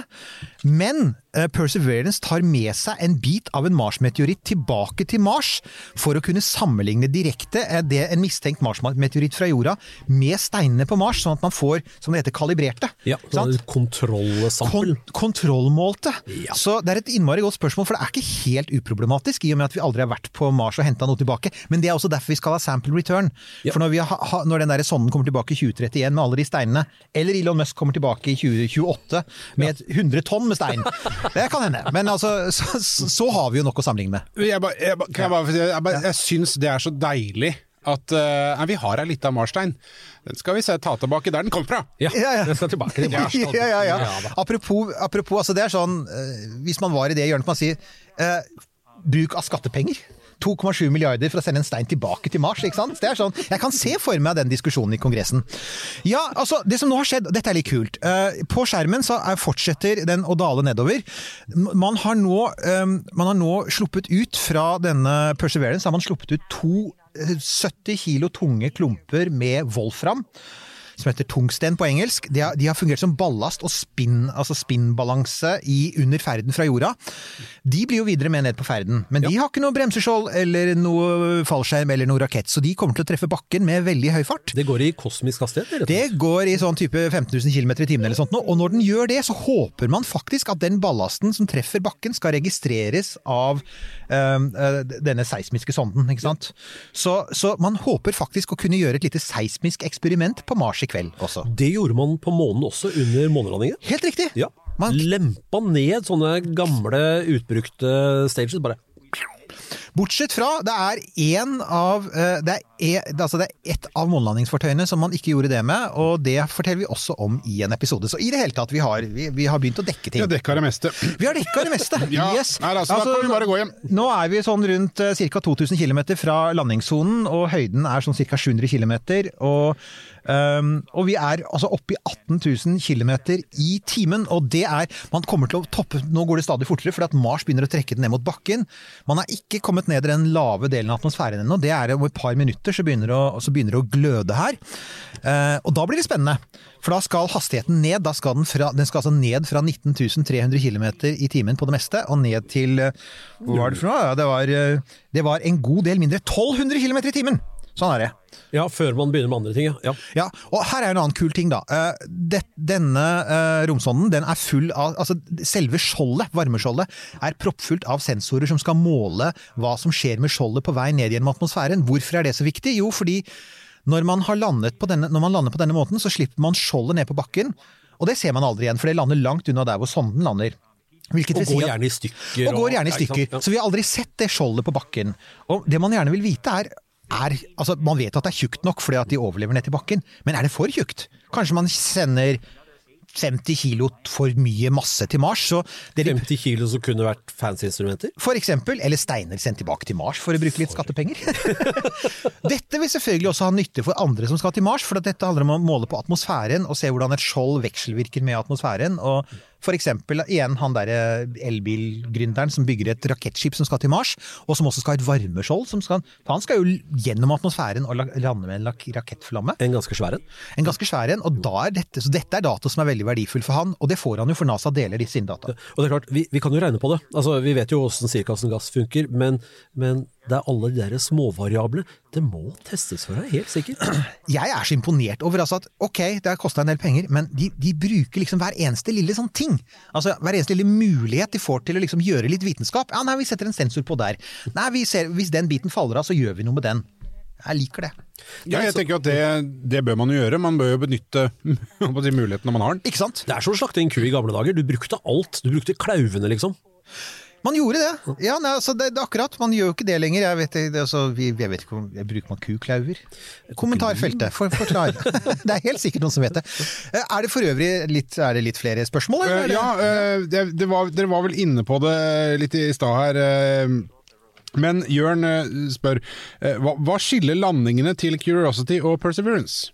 Hva er liksom de store forskjellene der? For det, det er jo noen år siden eh, si, Curiosity landa, så det har jo skjedd ting, og man har jo funnet litt nye måter å, å løse ting på. Det viktigste er altså at det, det, altså grunnleggende er det samme. Du har varmeskjold, du har fallskjerm som kommer om ikke så veldig lenge i denne simuleringen her. Og så har du rakettheisen. De viktigste forskjellene er igjen, det er to ting. Det ene er, um, eh, det ene er softwaren. Altså Den er rett og slett mye bedre. Og det gjør at du, du kommer forhåpentligvis, sannsynligvis, til å få en mye mer presis landing. Ja, for det var det jeg tenkte på. Mykere landing, forhåpentligvis. Det er, jo en, Ja. det er jo en fallskjerm her, og det er litt sånn eh, Nå vet ikke jeg så mye om fallskjerm, man kan eh, styre fallskjerm, men man må jo øve seg litt på å bli en god fallskjermhopper for å liksom treffe akkurat der, der den krysset står. Du har helt rett. Og det er altså fallskjermen som felles ut, um, som felles ut um, tre minutter før landing. Den skal da bremse fra ca. 1200 km, så den felles jo ut i veldig høy hastighet og ned til 300 km i timen. Uh, Den er 21 meter stor, sier de, og den, en vanlig fallskjerm er rundt 11 meter, har jeg lest et sted. Um, Dobbelt så svær. Så den er ganske stor, men poenget er at den har de også testa grundig. For første gang på 40 år så har de, har de faktisk kjørt um, fallskjermtester i den øvre atmosfæren for å simulere Mars-atmosfære. Og Det har vært en omstendelig og kostbar prosess, men der har de lært ganske mye, så det er også en stor forskjell. Um, og så er det også nok, så er det dette med at vi kommer til å se en film av landingen, og vi kommer også til å høre lyd fra landingen. Altså, Man hadde jo igjen, man hadde landingskamera før, men nå er man my mye mer oppmerksom på at dette er ikke bare nyttig, men det er også noe folk vil ha. Så sannsynligvis så blir selve landingssekvensen mer spektakulær i løpet av den tiden Hvor lang tid det tar vi før vi får filmen, da. Det tar, kan ta noen dager. Så håper vi at den ikke slutter med at bildet går i svart. Det, eh, det er eh, Det er jo The Seven Minutes of Terror. Det er jo det Ja, Ja, ikke sant? Og det er, hva var det du sa om sjansene der, Erik? Ja, nei, det var det, ikke sant. Altså, man, man sier sånn, ja, det er 40-50% sjanse for at den faller ned. Og som, som, igjen, det er ikke egentlig det, fordi eh, altså, romfart var jo en teknologi som man på en måte utviklet on the fly. Man skjøt opp rakettene, så dem eksploderte, tok det og startet på nytt igjen. Det er det Elon Musk gjør i Boca Ja. Chica i Texas nå. Han skyter opp raketter, ser dem eksplodere, og så tweaker han litt, og så eksploderer det litt mindre. Og, så, og så fortsetter det til de slutter å eksplodere. Ja, det det er eksploderte jo bare nesten så vidt for sist gang. Nemlig. Og det man sier er at hvis du, hvis du trekker fra, du trekker fra uh, sovjetiske uh, romsonder For sovjeterne mislyktes på Mars. De greide aldri å få til på Mars. De var flinke på Venus, Nemlig. ikke på Mars. Så de kaller jo Venus for sin planet til denne dag. Eh, hvis du trekker fra det, og du trekker fra tidlige amerikanske raketter, så blir statistikken mye bedre. Så igjen, de, de, de siste, av de siste ni amerikanske landingene har åtte vært vellykket, og den ene som da var mislykket, var eh, Mars Polar Lander, som var den der berømmelige hvor de hadde miles og kilometer. Det var altså ikke teknologien, det var Vil det si, det var det, var, eh, det som på godt norsk. Ja, eller på godt norsk kalles for en brain fart. Det var eh, Nå, nå ser det ut som vi er nærmere på Nå begynner det å nærme seg her, ja. eh, og vi er, da, vi er nå seks minutter fra landing, og vi er nå i em, høyde på Så nå er vi faktisk nå har vi begynt på de berømmelige Seven Minutes of Terror, har nå faktisk begynt. Hvor langt er det fra landings... Uh, Eh, vi er, nå skal vi se, nå, er, nå skifter til Finsen, nå begynner den å styre, skjønner du. For det kan den også gjøre. Ja. Den har små raketter på baksiden som gjør at den kan liksom vri litt på skjoldet. Og litt avhengig av vinkling på skjoldet, så kan den altså Det er jo ganske imponerende, da. Ja, det er altså, den er fremdeles hva skal vi si, den er fremdeles 40 km over bakken, 250 km fra målet. Og den driver og styrer seg ned mot målet mens skjoldet gløder, og den flyr altså da i og det er 16 000 km i timen.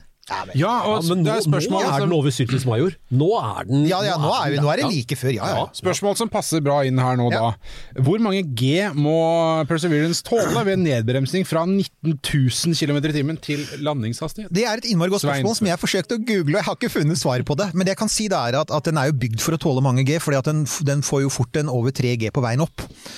Så eh, det, det vil jo ikke overraske meg om det er minst 3 G, men jeg har faktisk ikke funnet et presist tall på det, så det får vi eventuelt legge til i en seinere anledning. Men det er et godt spørsmål. Eh, men de, de har, det de selvfølgelig regna grundig på. Det- Altså, det går jo an å regne seg på det. Du kan se på tiden, og så kan du se på hastighetsbegrensningen. Og så får du uh, hvor, hvor mye hastigheten reduseres. Um, og da og det er ja, det er, Det er du som er fysiker. det er jeg som er fysiker, men nå ber du meg, nå har jeg drukket skummen kaffe her, og det, ja. Ja. 12.02 sier jeg bare. 12.02. 12 12 ja. Men, men det, altså, den skal jo også lande. Altså, den skal jo gå fra, fra en eller annen hastighet og til null på et eller annet tidspunkt. Ja, nå driver den og justerer her, heading alignment, og det, heading alignment, og det betyr rett og slett at den, igjen, den, i den grad det trengs en kursjustering inn mot denne landingsellipsen, så er det det som skjer nå. Og det du egentlig ser da, er at det er tre faser av å styre mot målet. Du har først høyt oppe, som vi er nå, hvor den liksom bruker varmeskjoldet til å styre seg sånn røft inn. Så kommer denne fallskjermen som de, de bruker et nytt system som heter range trigger, som gjør at når, når fallskjermen trigges, så vil de treffe akkurat. Ja. Uh, med, med, mye mer presist. Og så er det de siste 100 meterne.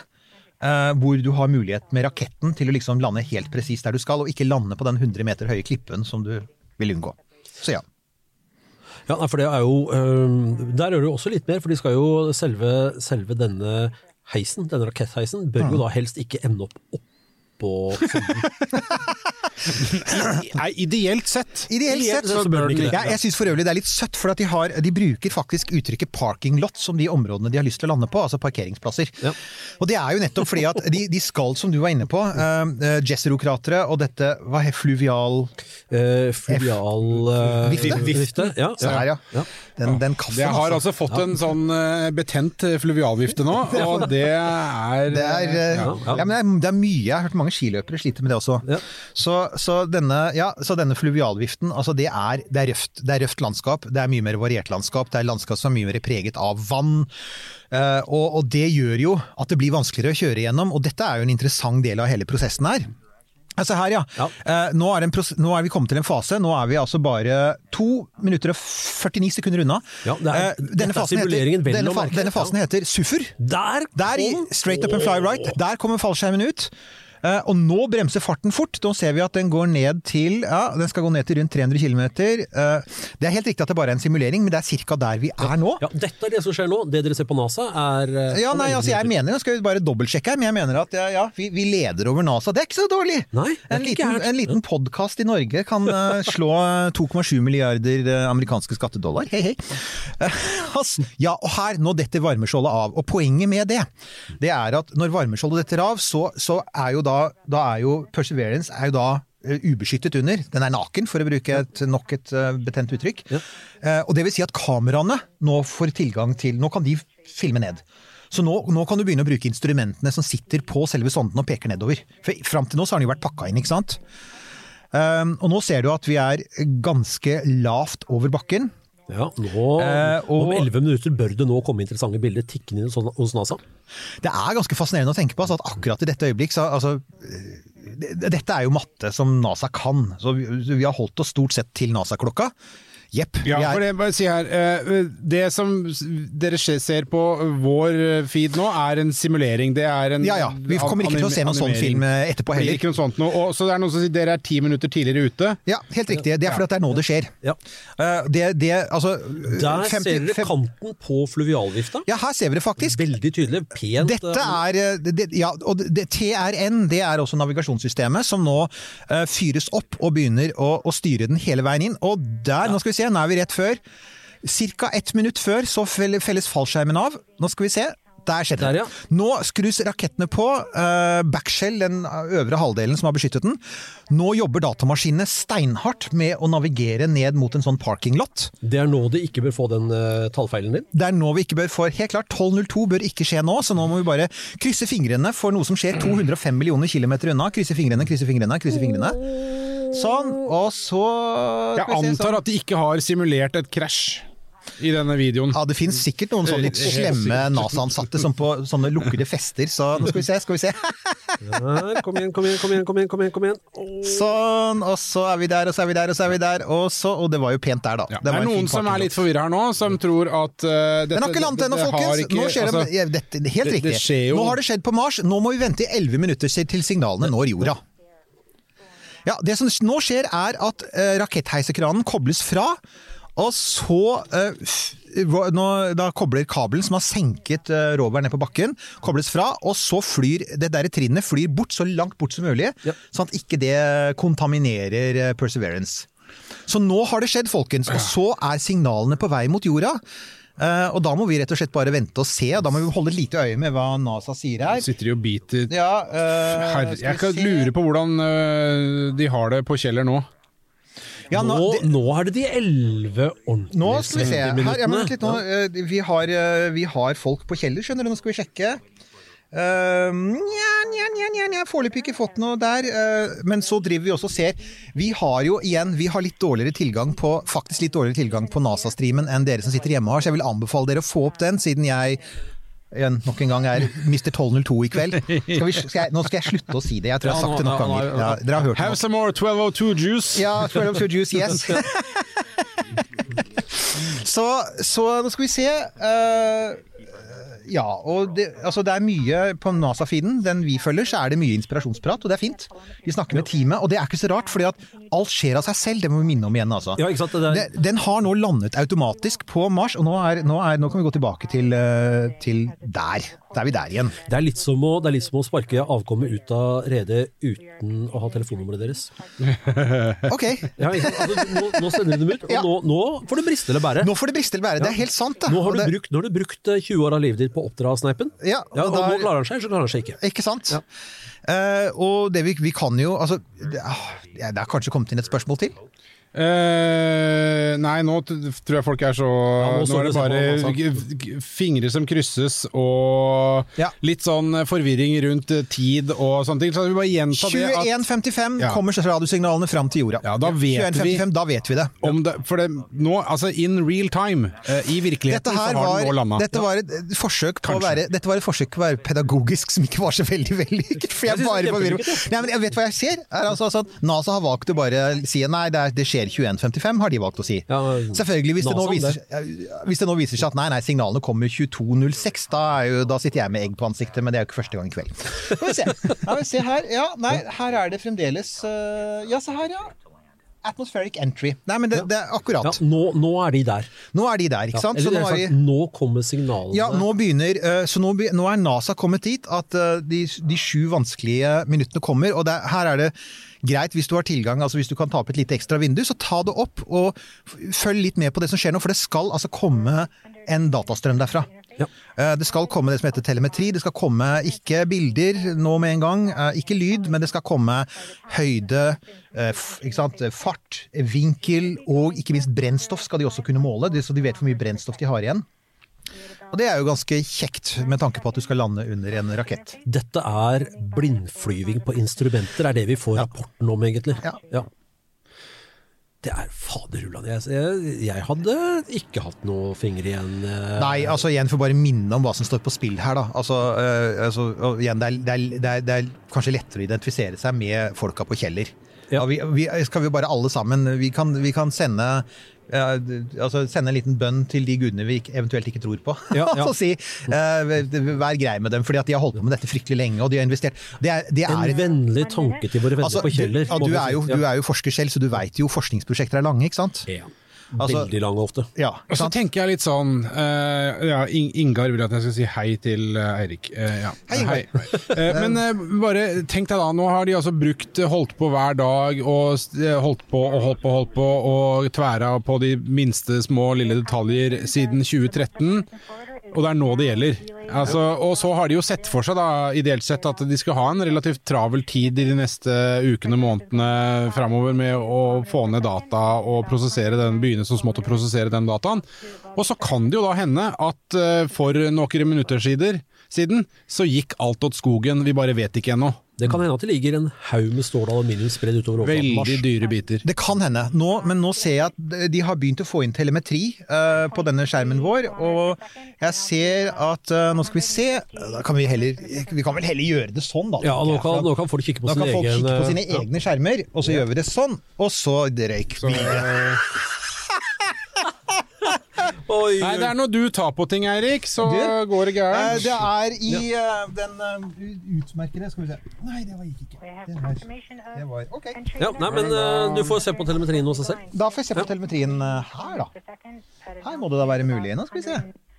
Ja, se her. Ja, her er vi. Og da, her er det Vi, vi har telemetri, altså. Vi Ja. har det. Men eh, nå skal vi se um, Ja, nå sitter vi og venter, rett og slett, eh, på at det skal komme mer data. Eh, Som du ser, det er ikke så mye som skjer akkurat her og nå. Ikke bredbåndskabel, som du nevnte i stad. Dette tar sin tid. Ja, det gjør det. Men altså, uh, i tilfelle det er kommet nye folk til, nei, vi får ikke se bilder eh, og film med en gang. Sannsynligvis så kan vi, det kan hende vi kan få sett et bilde eller to, uh, har vi hørt rykter om. Ganske raskt, men uh, den høyoppløselige Her kommer det fin telemetri inn. Ja. eh, men den høyoppløselige, de høyoppløselige filmene og lyden av landingen, det vil ta tid, rett og slett, for det tar tid å sende det tilbake til jorda. Og mye av det skal sendes tilbake via satellitt, altså sonder som går i bane rundt Mars, og de må man vente på. Så da må liksom ting stemme der. Vi, sa, vi skrøt jo i stad av, eh, av satellittsystemet rundt Mars, men det er klart det er ikke GPS-systemet vi snakker om. Det er ikke det. Og det, det altså, vi, vi svarer jo på mye spørsmål i podkasten vår. Vi, hadde jo faktisk, vi har faktisk hatt noen riktig gode spørsmål om GPS på Mars også. Ja. ja. Vi har i det hele tatt, vi hadde jo f.eks. et glimrende spørsmål om olje på Mars. Og det er, altså, vi har nemlig folk som jobber Vi har selvfølgelig vi har tusenvis av lyttere, og det er en del, hel del som jobber i olja. Hei til dere, forresten. Um, og, og da var det en som sa eh, unnskyld, men kan det finnes eh, Kan det rett og slett finnes altså hydrokarboner, for å si det litt mer sånn kjemisk? Ja, du har garantert hydrokarboner på Mars, blant annet fordi hydrokarboner oppstår av seg selv gitt i rette forhold. Men om du finner store reservoarer av hydrokarboner, er et annet spørsmål. Og jeg er så glad for at du sa det, for det var det vi svarte. Jeg, jeg, jeg sjekket en sånn eh, publikasjonsdatabase, og ganske riktig.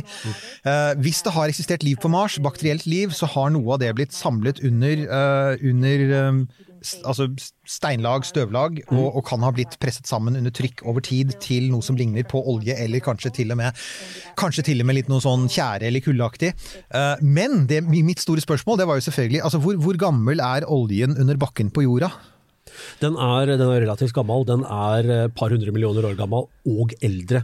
Men det er altså først fra, hva skal jeg si, eh, tampen av paleozoikum og børjan av dinosaurtiden at det har vært nok liv på planeten til at vi har fått dannet det vi anser som drivverdige oljelag. Ikke sant. Og her er jo saken at oljelagene på Mars er selvfølgelig fryktelig mye eldre, for vi har ikke hatt noe særlig planteliv eller algeliv eller sånt nå de siste 3,5 milliarder årene. Nei, og bare plante- og algeliv, eh, det lager jo altså, Ja, eh, det danner hydrokarboner, men det blir ikke akkurat mye av det. Nei. Og for øvrig, da selvfølgelig, du vet at du lever i en oljestat når vi sitter og diskuterer oljeforekomster på Mars under Perseverance-landingen. Så det var jo godt tima. Ja, de er, disse Wolfram-stavene eh, krasja ned, og så står en eh, geyser opp Det gjør det. mm, med olje. Uh, sånn, ja! Var det, oh, ja ok. Takk. Det gjør det! Ja, ja. ja. Men altså igjen, og det er for å, for å minne om det, altså vi, det vi snakker om her er den fasen da det kan ha vært gode muligheter for liv på Mars, den er veldig veldig lenge siden. Det er, det er noen særtrekk for Mars som, som man ikke har på jorda, og det er f.eks. at Mars har ikke det som heter platetektonikk på jorda, altså kontinenter som driver og gnisser mot hverandre, går over og under hverandre, skaper vulkanisme på den måten. Du har ikke den balansen mellom uh, varmeproduserende kjerne og tjukk nok mantel rundt til å holde på varmen nok til at ting er flytende. Og så er Mars litt, Mars litt liten. Ja. Det, varmen damper av for fort. Og, og, og, og det fører også faktisk til at geologien på Mars, det er faktisk en av Norges mest kjente geologer, sa det i, en, eh, i et foredrag for en del år siden. Han sa at eh, han var ikke interessert i å dra til Mars, for han, han var ganske sikker på at geologien ville være ganske kjedelig. Blant annet igjen fordi at du har hatt veldig lite varme kilder, du har hatt lite vulkanisme. Altså du har noen vulkaner, skjoldvulkaner, den største er Olympus Mons. Det er det største fjellet i solsystemet. Det er det største fjellet i solsystemet, um, og, og dit skal man jo ikke nå. Og det hadde jo for øvrig vært innmari vanskelig for dem å lande på, rett og slett fordi um, Eh, Det er 26 km over eh, steinut, og der er ikke, det er ikke noe poeng å lande der heller. Det er ikke noe poeng å lande der. Ikke hvis du ser til eh, paleoliv, i hvert fall. Nei, ikke sant? Og det er jo det, det, er jo det vi skal gjøre her. Så, så igjen, så, så liksom situasjonen på Mars er veldig veldig forskjellig fra, fra det den er på jorda. og eh, Man har hatt en del hint eh, de seinere åra om at det kan være prosesser i gang på Mars som kan tyde på at det er liv. For eksempel har man funnet metan i atmosfæren et par ganger. Det er gjerne et hint om at det skjer noe. Og det var til og med noen observasjoner som tydet på at det var sånn sesongmessige variasjoner. Altså, og da begynner man selvfølgelig å tenke oi, oi. Men så var det da andre som mente at nei, det kunne altså være geolo det kunne ha en eller annen form for geologisk Ja, opphav. Støvstormene vil jo ikke påvirke systemet. Ikke Vi, sant. vi veit ikke! Vi Nei. har ikke de rette måle, har ikke hatt de rette måleinstrumentene der. Ikke sant. Og her er, da det, her er det det koker ned til. Uh, vi Ja, har oi. Hva er det? Det klappes. Yes, nå skal vi se. Skal det, betyr, det betyr at nå er signalene fra selve landingen nådd fram. Da, Så må vi vente litt til før vi ser vi se. om den faktisk står der. å nei, vent litt. Eh, Jeg tror jeg er på feil sted. Der klappes det! Vent litt. Hallo? Klappes det? Kom igjen, da. Ja, vi må ta og sjekke her. Nå er vi litt sånn usikre på hva som skjer her. Altitude eh, med noen kilometers, ble det sagt der. Ja, ikke sant? Ja. Ok. De har gått over til metriske system der også, nå endelig. Se her, ja. Skal vi se. 2,68 km. der. Ok, du ser at det hakker lite grann. Og det er rett og slett det er telemetrien. Eller er det bredbånds... Nei, det er faktisk Jeg ser at eh, det er, det er god båndbredde her. Eh, så ja, eh, nå er det like før, like før, like før. Kom igjen, da. Du ser, du ser, du ser hun, hun klarte nesten ikke å sitte i stolen sin, ser du? Ja, ja, ja. ja nei, det er jo morsomt å se. Og igjen, altså, de spiller ikke 'dette er livet deres'. Ja, ja, Dette er, er, har de levd og ånda i. Ja, og, og, og JPL er jo et unikt sted. Det er jo, det er jo nærmest et slags tempel for romsondebygging. Det har vi jo har vi, har vi ikke rukket å si så mye om, men JPL, Jet Propulsion Laboratory utenfor Pasadena i California, er jo de som har bygd nesten alle de store romsondene i USA. Ja. Nå skal vi se. Ja, skal Vent vi litt, vent litt. litt nå? Ja, se om du kan få høre noe. Nå skal vi se. Kom igjen, da. Vær så snill. Da.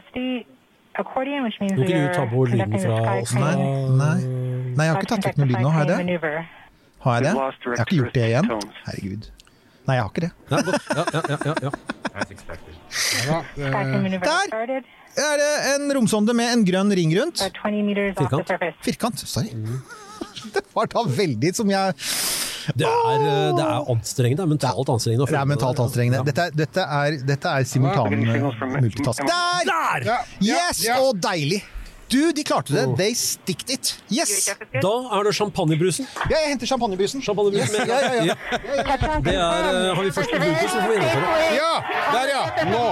Oi, oi, oi, oi, oi, oi, oi, oi, oi, oi,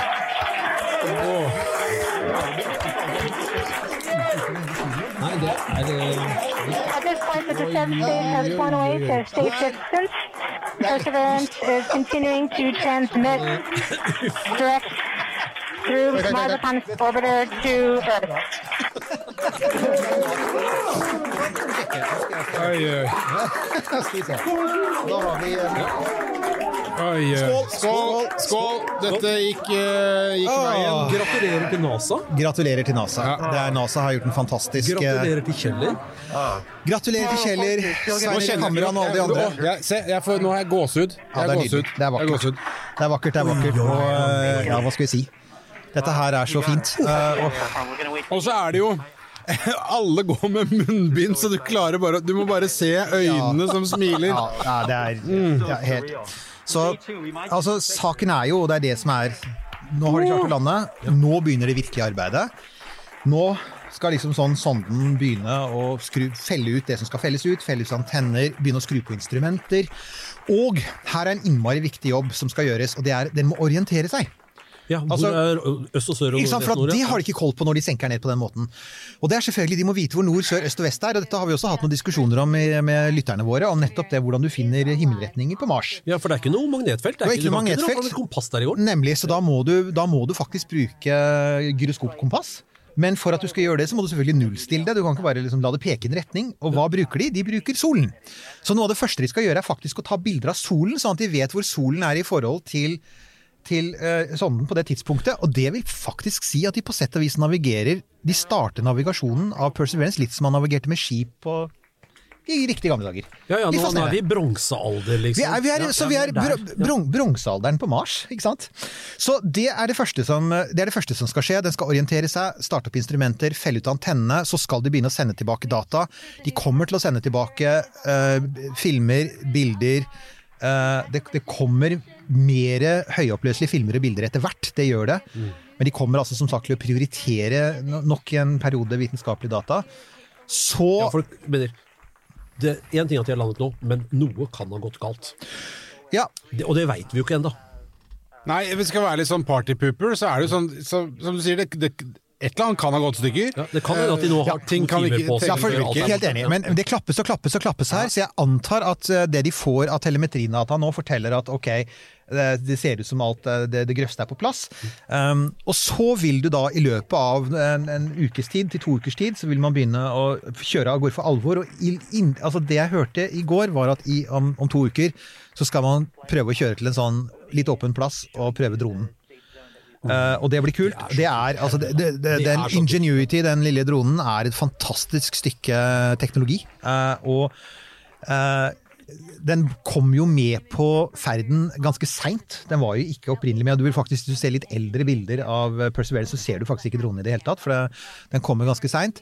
Det er klart, får man det til, så vil jo det det vil jo gjøre, det vil jo gjøre blant annet øke effektiviteten til eh, Perseverance. Der Ja, der er det bildet. Første bilde. Der er det. De gjorde det. Mm. Så utrolig En fint. fin dag på Mars med lys Vak- himmel. Vakker dag, vakker dag på Mars. De klarte det. Veldig bra. Da fikk de, det er jo ikke et høyoppløselig bilde, som du ser, men da klarte de det. Nydelig. Ja, men altså, jeg sier igjen, uh, JPL altså det, vi, vi har jo I vår podkast har vi i perioder vært litt kritisk til deler av romfarten. Både at man samarbeidet med nazister og at de bygde romferja som eksploderte og slike ting. Men som jeg pleier å si, NASA får ca. 22 milliarder dollar i året. Ca. halvparten av de går til ren forskning. Og det er ingenting å si på forskningen til NASA. Som forskningsinstitusjon, byggere av romsonder, satellitter, forskningsprosjekter, er de fabelaktige. Ingen slår dem. De får virkelig det til. Ja. Så, og, og det er det ingen som kan ta fra dem. Så det kan godt hende, nå ser vi at kommersielle har begynt å overta eh, transport av mennesker. Og det kan godt skje at det blir kommersielle som gjør Men denne jobben her, den tror jeg faktisk at NASA kommer til å fortsette å gjøre. For dette her er de, dette er de best på. NASA vil være speiderne, de.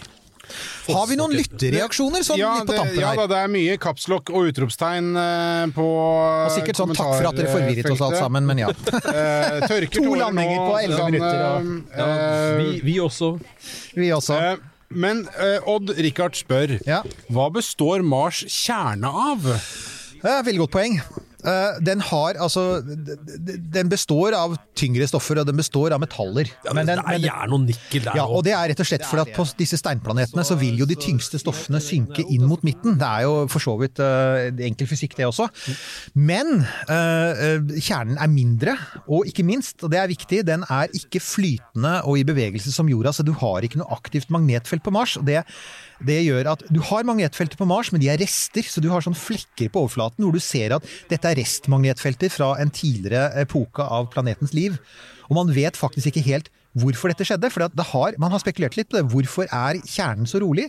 Og en teori har vært at Mars kolliderte med noe veldig stort for lenge siden. Det fins jo noen kjempekratre på Mars som faktisk liksom sjokka hele systemet, og som gjorde at kjernen kom ut av lage, og at magnetfeltet ble forrykket for alltid. Det er en teori, da. Ja, en annen er rett og slett at den er liten og kjølt av veldig den, Ja, ikke sant? Rik for radig, rett og slett. ja, altså det, den ble kjølt av for fort. Men jo da, det jo, den har jo som de andre steinplanetene en, en, en jernkjerne, en metallkjerne. Men eh, den er mindre, og den er mye mindre viktig. altså Den betyr mye mindre for planeten enn vår. Vår, vår jernkjerne er utrolig viktig. Ja, den den er- eh, redder ja. jo livet. Ja, er du gæren. Eh, Og det er jo det er en sånn ting som, som man kanskje ikke tenker på med planeter og utvikling av planeter, er at eh, når planeten dannes, samler seg, så er det jo, så er det jo lort og langhalm som bare blir stabla hulter til bulter. Ja. Og så siger planeten sammen. Og i den prosessen så får du en sortering av, av, av materialet. Og da havner f.eks. gasser på toppen, og den prosessen pågår på jorda. Tyter ut av vulkaner. Hva heter vulkanutbrudd nå, nede på Etna? Den prosessen foregår ikke lenger på Mars, og det er noe av det som er problemet. Det er, det er en geologisk død planet. Ja, og, og det, Mars er en veldig nyttig påminnelse om at en geologisk død planet ofte blir en biologisk død planet. fordi eh, altså, altså, Ja, vulkaner kan ta liv, men vulkaner gir oss liv. Fordi de pumper jo masse viktige stoffer ut i atmosfæren. og De skaper jo fruktbar jord. og altså, de er, Vulkaner er viktige for livet på jorda. Ja, ja. Uten vulkaner så hadde det sett skrupt ut. Nå kan du selvfølgelig gå i den andre grøfta. Uh, Venus er jo skrekkeksempelet der. Ja. Og det er en, ja, nei, det, er, det, det skal vi komme tilbake til en annen gang. Men ja, Nils Johan, uh, hva tenker du? Nei, altså jeg tenker ikke så mye akkurat nå. Jeg, Nei, ikke syns- jeg jeg, jeg jeg, ser- det- jeg merker at jeg gleder meg til uh, fortsettelsen her. Og Ja. jeg er så Skal vi bare si veldig, det, veldig og si tusen takk for at dere var med oss denne kvelden. Takk for at dere holdt ut med mine 1202-ere. Det ble mange av dem, men uh, vi kom oss gjennom det. Og tusen, tusen takk til Petter som var her og, og har gitt oss masse ny og spennende kunnskap om liv på Mars. og og også fluvial... Fluvialvifter. Fluvialvifter. Ja. Det er jo det er sånn glasiofluvial geomorfologi, er det en del av? Glasifluvial geomorfologi. Takk for det. Eh, der, der, Og Ibsens ripsbusker. Ja, nemlig. Prøv å si det. litt. um, så vil vi selvfølgelig følge opp dette. Vi, vi driver denne ukentlige podkasten vår. Vi slipper episoder hver mandag. Denne blir nok antagelig litt sånn klippet i, og så blir den sluppet som podkast for de som enda ikke, som ikke fikk den med seg.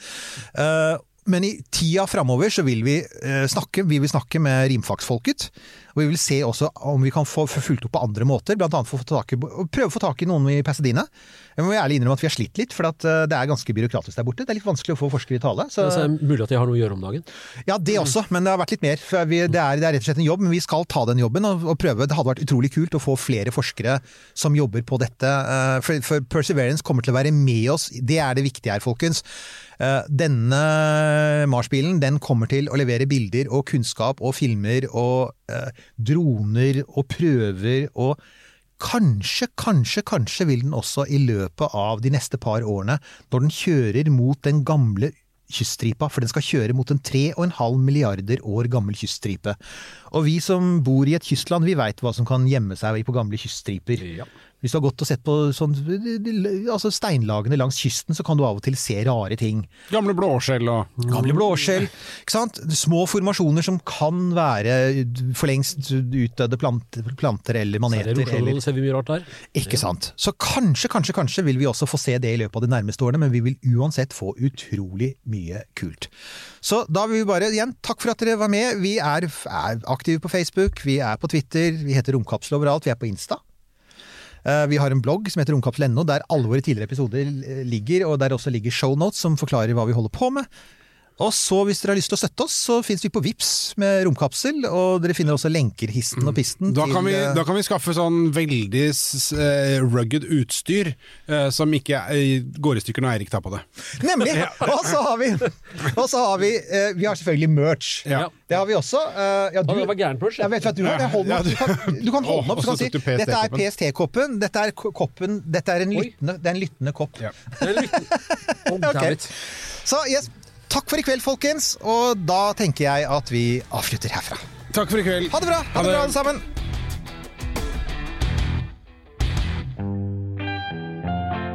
Denne Podkasten er produsert av Tid og Lyst.